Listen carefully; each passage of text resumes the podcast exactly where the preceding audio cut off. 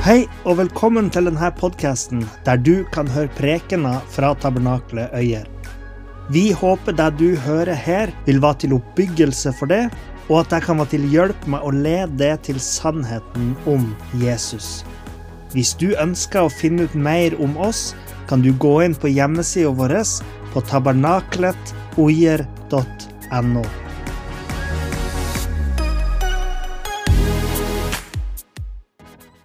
sagt nei, nei, nei, nei, vent nå. Jeg vil ikke høre fra, fra Det nye testamentet. Jeg vil ikke høre om denne Jesus. Og da sier han som leste det, men jeg leser ikke i Det nye testamentet. Jeg leser fra din bibel, fra Det gamle testamentet. Men denne vennen trodde at jeg snakka om Jesus. Bare ved å høre det svarer automatisk nei, jeg vil ikke høre om Jesus. Men det her er din Messias, sa han. Noe sånt, sa han. Det er ikke ordrett gjengitt. da. Men dette er et kapittel som åpner jøder sine øyne sjøl i dag. Og eh, det, det snakker om viktigheten av dette kapittelet. Det snakker om kraften i dette kapittelet. Og det er faktisk ingen plasser i Bibelen eh, der, der det snakker mer tydelig om den stedfortredende lidelsen enn i Jesaja 53 i Det gamle testamentet. Så, eh, men det er ikke det er jo ikke sånn at eh, jødene alltid har prøvd å bortforklare betydninga av dette verset. Eh, tidlige rabbier de leste det som om at det handler om Messias, sånn som i et skrift som heter Targum Jonathan, som er fra sånn 200 år etter Kristus. Der, der eh, tolker de det om Messias. Så dette var noe som kom seinere, og denne forestillinga om at eh, det er snakk om eh, noe annet enn Messias, ble populært sånn i middelalderen, faktisk. Men i Det nye testamentet så ser vi at det her handler om Messias. For så siteres det i Matteus kapittel 8, vers 17. Slik ble det oppfylt som var talt ved profeten Jesaja når han sier han selv tok våre skrøpeligheter og bar våre sykdommer. Så hva sier Jesaja 53 om Messias sin død? Jo, fra vers 7 så kommer det fram at Messias skulle dø. Der står det, som vi hørte i videoen, lik et lam ble han ledet bort for å slaktes. Slik en sau tier mens den klippes, åpnet han ikke sin munn. Ved trengsel og dom ble han tatt bort. Men da han ble revet bort fra de levendes land, hvem i hans slektsledd la merke til at han ble rammet for mitt folks synders skyld? Han ga ham hans grav blant ugudelige, men hos en rik var han i sin død. Messias altså slaktes slik et lam. Han blir tatt bort og revet bort fra de levendes land. Eh, og han får en grav, står det i vers 9, og han, han eh, var hos en rik i sin død. Så åpenbart så snakker det her om en som dør. ikke sant? Det er ingen av oss som har lyst til å oppleve hvordan det er å bli revet bort fra de levendes land, for det betyr at man dør. Så, og så brukes det et språk her som gir allusjoner til det jødiske offersystemet. I Isaiah 52, 15, det her avsnittet, eh, der her avsnittet om Messias egentlig begynner For vi må Eh, kapittelinndelinga er ikke alltid sånn at det treffer helt riktig. Så hvis man begynner i 52, 15, så står det at denne Messias skal bestenke mange folkeslag. Som et uttrykk som har med ofring å gjøre. Bestenking det var at man tok blod fra offerdyr og tok det på ting som skulle helliges, eller som skulle gjøres hellig, sånn som alteret f.eks. Eller sånn som det står i 2. Mosebok kapittel 29 vers 21, da Moses får det her budet. Du skal ta noe av blodet som er på alteret, og av salvingsoljen, og stenke det på Aron og på klærne hans, og på hans sønner og på klærne til hans sønner. Da skal han og klærne hans være helliget. Det skjer noe med det ikke sant, når de bestenkes med det her blodet. Men Moses han, han stenka hele folket, står det. Og dette var et paktstegn eh, på pakten mellom Israel og Gud. At han tok dette blodet på folket. Blodet representerte liv. Uten blod så kommer du ikke så veldig langt. ikke sant? Sykepleiere, dere vet det. Og Det gammeltestamentlige offersystemet lærte at for å være i pakt med Gud, så måtte noen sone sitt liv. Men her er altså Messias. Hva er det han skal gjøre? Han skal bestenke mange folkeslag. Og det vil si at han, han skal innføre en ny pakt som innebærer til og med hedningene. For han skal ikke bestenke bare jødene, men han skal bestenke mange folkeslag, altså hedningefolkene. Og hvem sitt blod er det som brukes?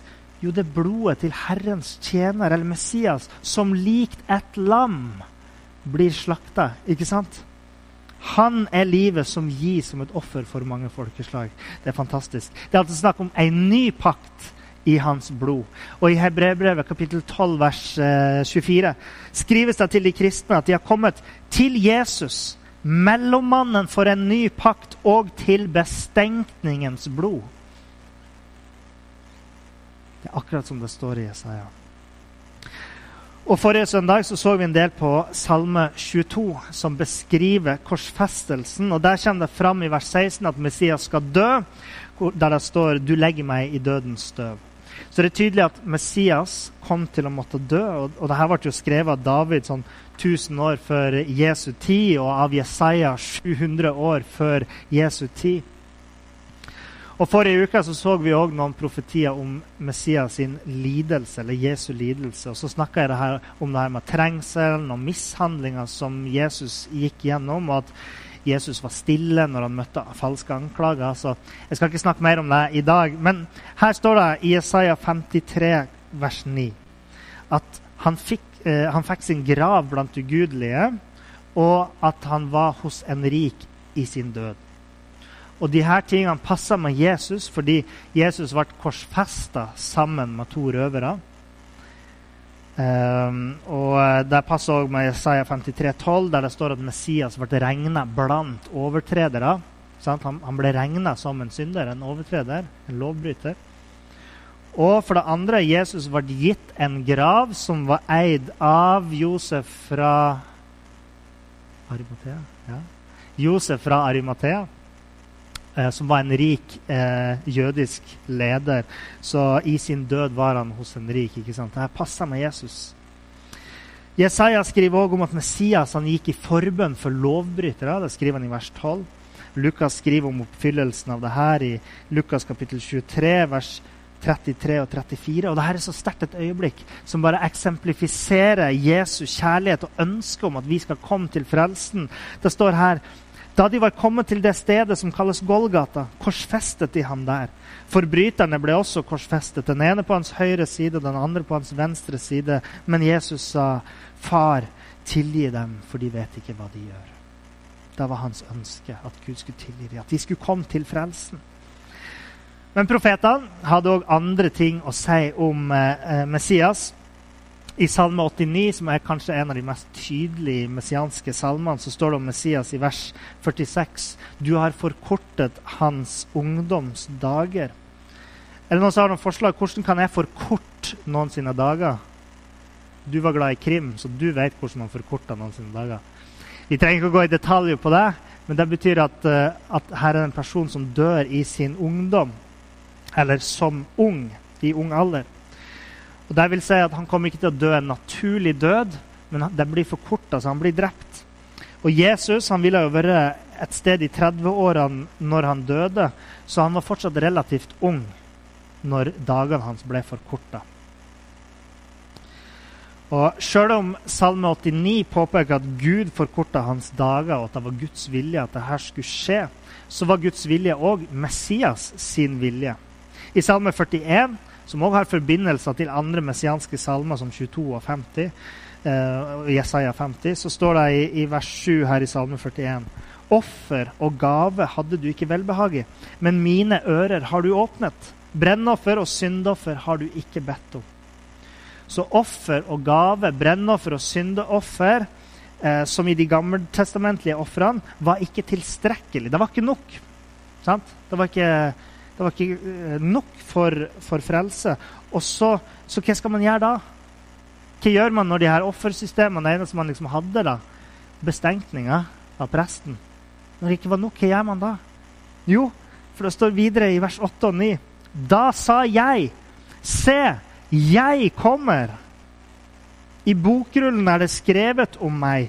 Å gjøre din vilje, min Gud, er min lyst, og din lov er i mitt indre.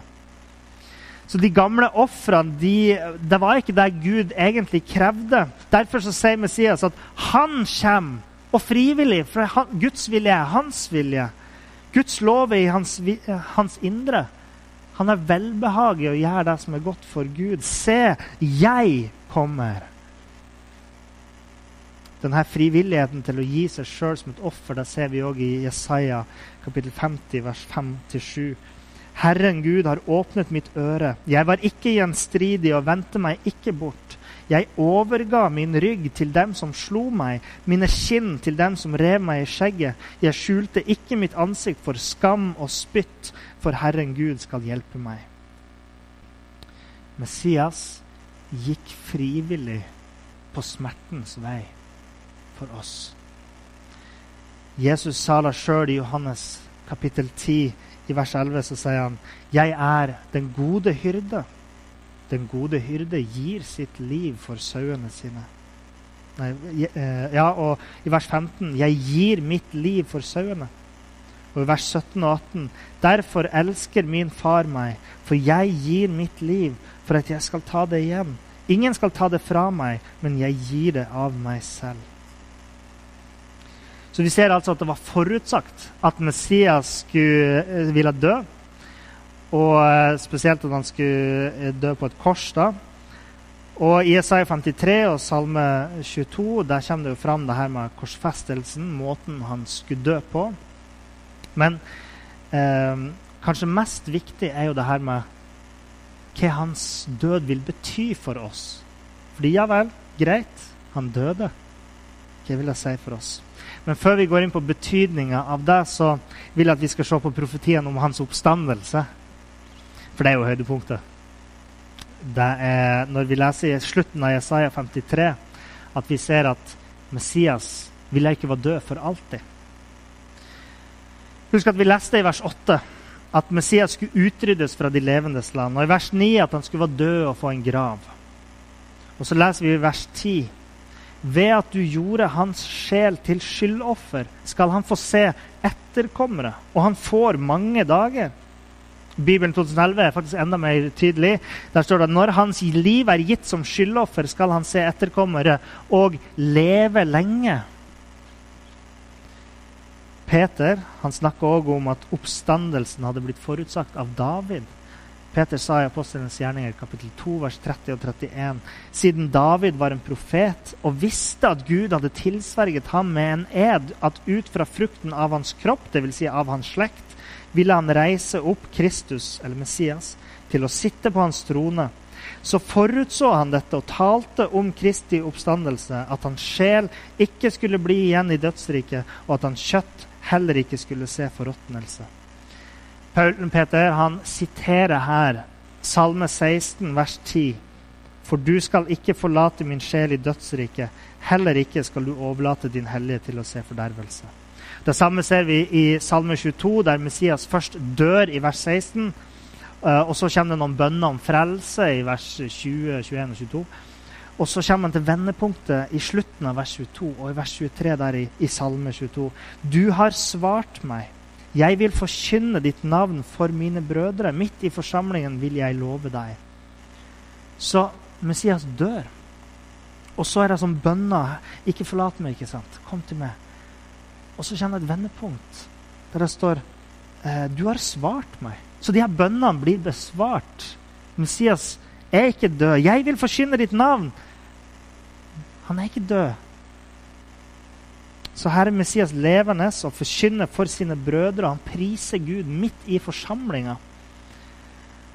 Og Hebrebrevet gjør det klart at alt det her handler om Jesus. der Det står i Hebrebrevet kapittel 2, vers 11 og 12. For både han som helliggjør, og de som blir helliggjort, er alle av én. Derfor skammer han seg ikke over å kalle dem søsken. Men han sier, 'Jeg vil forkynne ditt navn for mine søsken.' Midt i forsamlingen vil jeg love deg.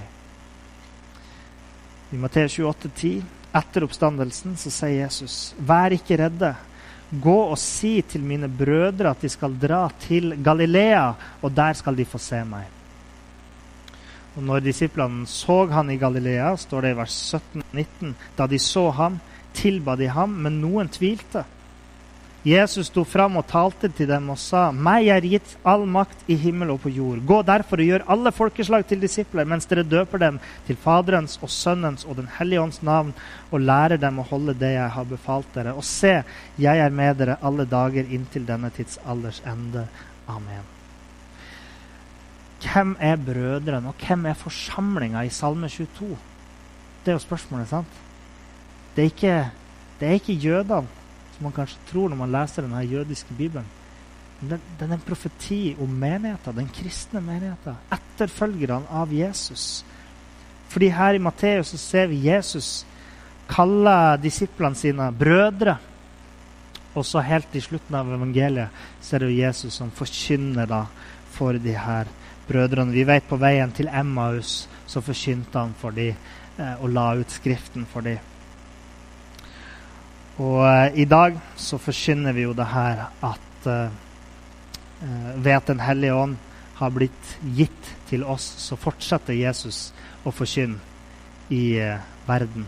Og det er jo mitt budskap til det i dag, at uh, sjøl om du ikke har kjent på Jesus år og spist sammen med han som du spiser sammen med andre mennesker, og prater med han som ansikt til ansikt, som du gjør med oss, så er Den hellige ånd levende.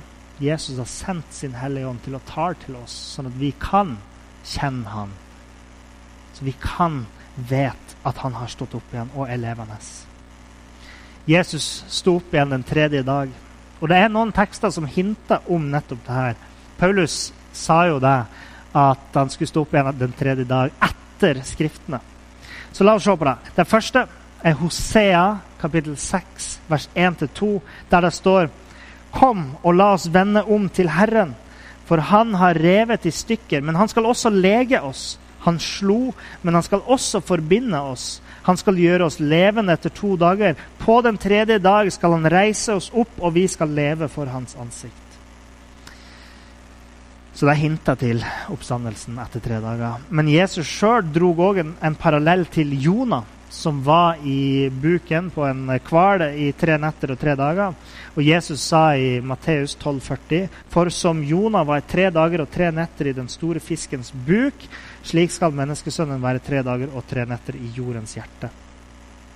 Det vil si at det er noen tekster i Det gamle testamentet som faktisk òg profetere eller se framover mot en oppstandelse på den tredje dagen. Men hva kan profetiene si oss av betydninger? Det var det vi skulle komme til. Nå har vi snakka om hva som skulle skje ut fra profetene. Han skulle dø, han skulle stå opp igjen etter tre dager. Men hva er betydninga? Så la oss igjen ta utgangspunkt i Isaiah 53. Jeg nevnte jo det med at det er et sånn offerspråk. sant? I denne teksten som viser at Messias vil gi seg sjøl som et offer på vegne av, av, noen andre. For hvem er det han vil ofre seg? Jo, det sa jeg. Han vil bestenke mange folkeslag. Altså Det er ikke bare for jødene, men det er for alle folkeslag. For hedningene òg. Og Det betyr at han vil dø som et uh, offer for alle mennesker, på vegne av alle mennesker. Dette offeret han gir seg sjøl som det betyr at han, ifølge Jesaja, tok på seg våre sykdommer, bar våre smerter, ble såra for våre lovbrudd, ble knust for våre synder, ble straffa for at vi skal ha fred. Hans offer gir oss legedom. Det onde vi har skyld i, ble lagt på han, sjøl om han var uskyldig. Hans offer skal rettferdiggjøre oss, og han bar våre misgjerninger og våre synd fordi vi mennesker har fortjent en straff for vår ondskap. Men det her forteller oss at det vil komme en frelser som skal bære den straffen som vi har fortjent, og sone for våre synder og ta skylda for det vi har gjort. For verden er full av lidelse, men her kommer det en frelser som vil gi oss legedom og liv. Og hans død vil rettferdiggjøre oss. Det er litt sånn fremmedord. jeg vet det. Gjennom han så blir rullebladet vårt vaska rein. Kanskje mer moderne språk. Våre lovbrudd overføres til han. som i en rettssak så, så vil han ha kommet inn og stilt seg i, i den anklagedes sted og sagt 'ta heller med', ikke han. Og så forsoner han oss med Gud. Og han var vår stedfortreder i den forsoninga. Han står i våre sted, i stedet for oss, på vegne av oss, og forsoner oss med Gud. Og forsoning sant, det handler om å, å sone noen ting. Han utsoner straffen for oss. Forsoning. Soner for oss, dør for oss. Dere skjønner tegninga? Og Daniel han skriver faktisk om det samme i Daniels bok kapittel 9, 24, når han snakker om de 70 ukene der som vi var inne på, eh, når Messias skal komme. Der står det 70 uker er bestemt for ditt folk og din hellige by. Til hva er det som skal skje når Messias kommer? Jo, til å bringe ondskapen til ende. Til å gjøre slutt på synden. Til å sone skylden og føre fram evig rettferd. Så vi er adskilt fra Gud da, pga. De onde tingene vi har gjort. Men denne Messias kommer for å fikse det. For å løse opp i denne adskillelsen. Han skal bade en vei gjennom denne muren som er mellom oss og Gud. Det er han som gjør det og vi kan følge etter. Og eh, Så han står i våre sted. Og denne ideen om stedfortredende forsoning eller stedfortredende lidelse fantes jo allerede i det her israelittiske offersystemet som vi snakker om. Fordi de ofra dyr i stedet for at de sjøl skulle bli knerta, liksom, for å si det sånn. Og ideen om at et menneske stilte seg fram på vegne av andre mennesker som et offer Vi har allerede forbilder på det, faktisk. F.eks. i Moses, i 2. Mosebok, kapittel 32, vers 30-34. Der står det det skjedde neste dag at Moses sa til folket.: Dere har sannelig gjort en stor synd. Derfor vil jeg nå gå opp til Herren. Kanskje, jeg, kanskje kan jeg gjøre soning for deres synd. Moses vendte da tilbake til Herren og sa:" Å, dette folket har sannelig gjort en stor synd og lagt, lagd seg en gud av gull. Og nå, om du bare vil tilgi deres synd, men hvis ikke, så ber jeg om at du stryker meg ut av din bok som du har skrevet en menneskelig stedfortreder er òg forvarsla i livet til kong David, der han ønsker å stille seg mellom folket. Eller han, han gjør jo det på en måte. Han, han, går til Gud og stiller seg mellom folket og Gud og sier 'ta heller med'. og Ta, ta min ett, min slekt, mitt hus. La din straff komme over meg. Hør hva det står i 2. Samuels bok, kapittel 24, vers 17. Da David så engelen som slo folket i hjel, talte han til Herren og sa, Se, jeg har syndet, og jeg har gjort det som er ondt. Men disse som tilhører flokken, hva har de gjort? Jeg ber deg, la din hånd komme over meg og min fars hus. Men verken David eller Moses kunne bære folkets synd eller verdens synd. Men det skulle jo komme en som Moses. En fra Davids ett som skulle gjøre det. Det var jo noe profetisk i det David gjorde når han sa La din hånd komme over meg og min fars hus. Guds hånd, verdens straff, ble ikke lagt på David, men den ble lagt på hans hus når den ble lagt på Jesus. Jesus var den her lovede Messias. Han gjorde alle de her tingene. Han oppfylte de her profetiene. Han døde og sto opp igjen. Jesu død på korset var soninga for våre synder. Jesus sa under nattverdsmåltidet på skjærtorsdag i Matteus 26-28.: Dette er mitt blod, den nye pakts blod, som utgytes for mange til syndenes forlatelse. Og Gud sa gjennom profeten Jeremia det er håp for din framtid, sa Gud til folket. For Gud fortsatte i Jeremia 31, 31. Se, det kommer dager, sier Herren, da jeg skal slutte en ny pakt med Israels hus og med Judas hus. Og i vers 34.: Jeg skal tilgi deres misgjerning, og deres synd skal jeg ikke huske mer. Jeg er ikke overraska over at de jødene som ikke tror på Jesus, fortsatt venter på Messias. Fordi når man leser om profetiene, og det, det Messias skal bety for dem, så skjønner jeg at de venter. Det er jo fantastisk at han skal bære deres misgjerning. At de skal få tilgivelse, og de skal få en ny pakt. Så jeg skjønner at de venter, men jeg håper at de innser at han allerede har kommet. For tingen er at denne nye pakten har blitt innleda ved Jesu frivillige stedfortredende offerdød. Hans blod, hans liv, åpna veien inn i Guds rike for oss. Ok? Det var døden. Betydninga av oppstandelsen, da. La oss gå tilbake til Salme 22, der det sto Jeg vil forkynne ditt navn for mine brødre. Midt i forsamlingen vil jeg love deg. I Matteus 12, 50 så sier Jesus om de som er hans brødre. For den som gjør min himmelske fars vilje, er min bror og søster og mor.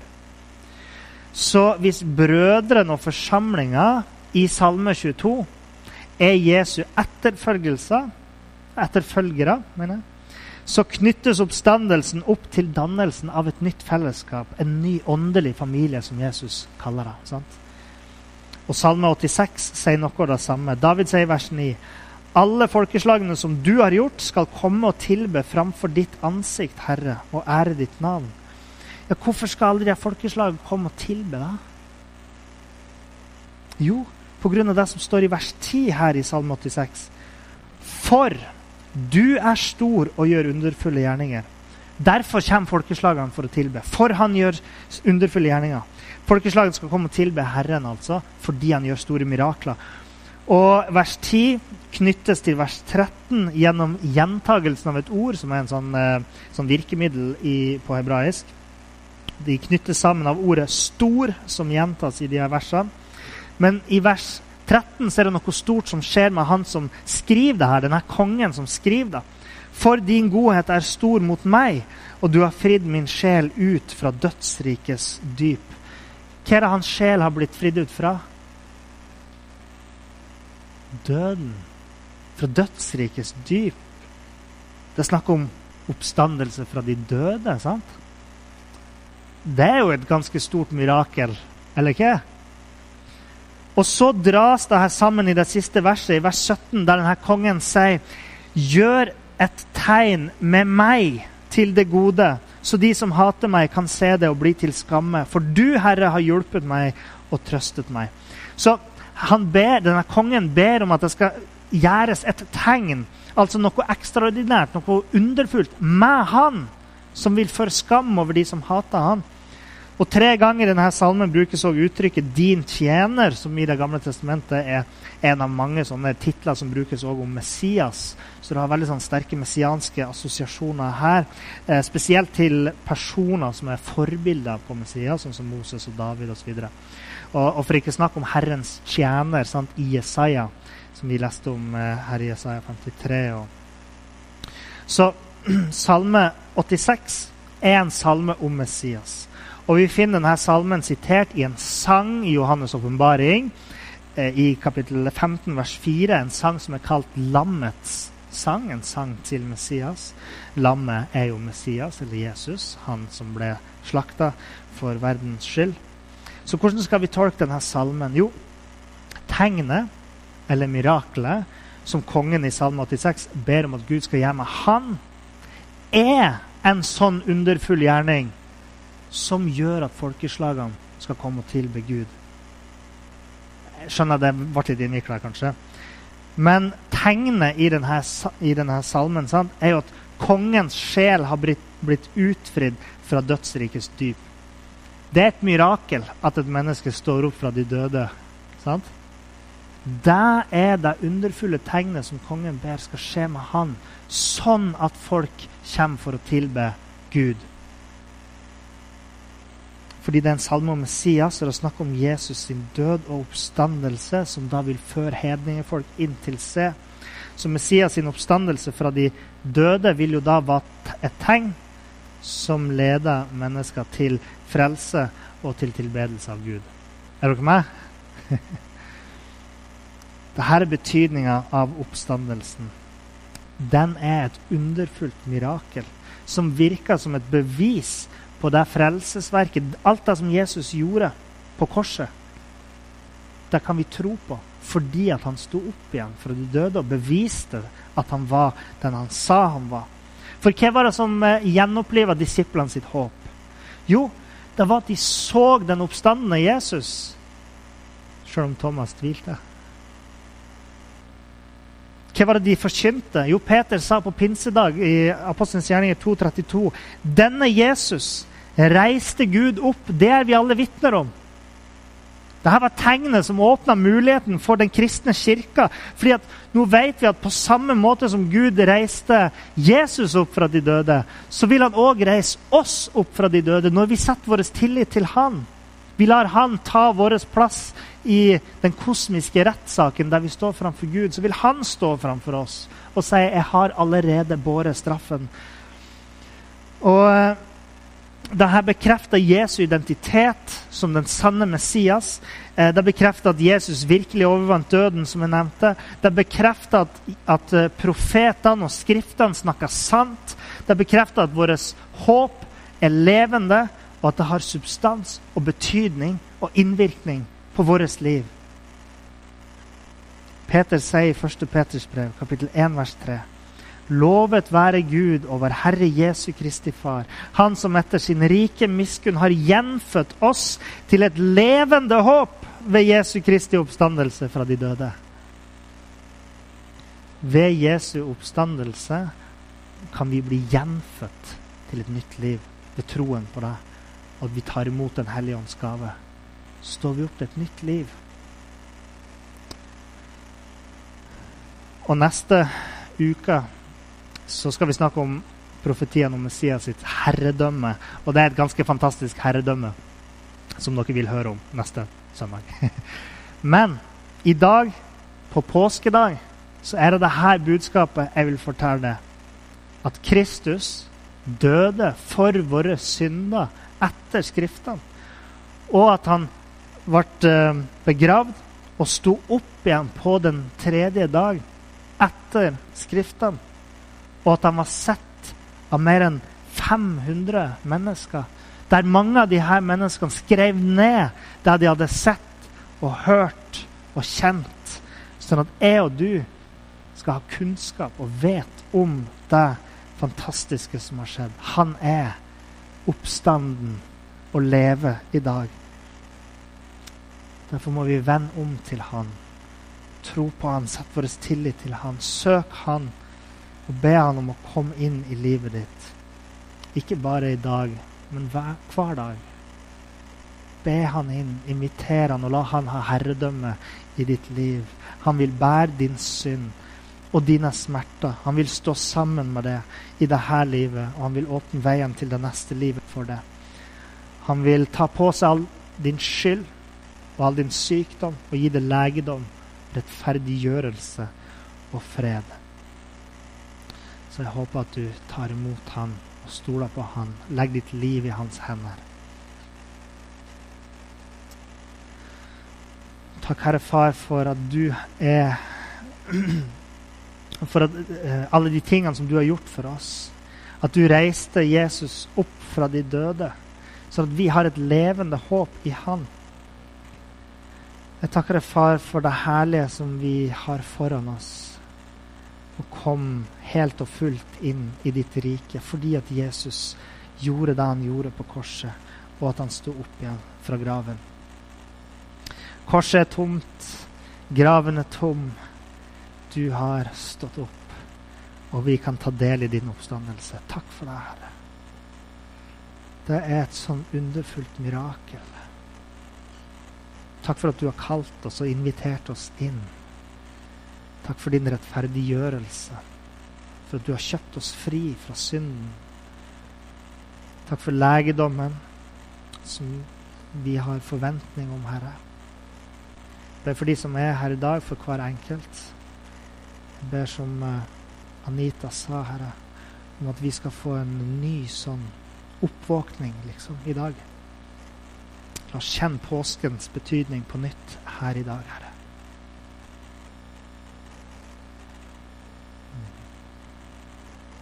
La din nåde være ny for oss hver dag, far.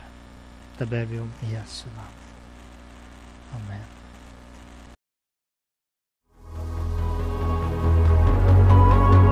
Takk for at du hørte på. Hvis du tok et steg i tro i dag, eller du har noe du ønsker forbønn for, så vil vi gjerne høre ifra det via e-postadressen kontakt alfakrølltabernakletOyer.no. Du er òg velkommen til våre ukentlige gudstjenester i menighetslokalet i Haugskutua 5 26 36 Øyer.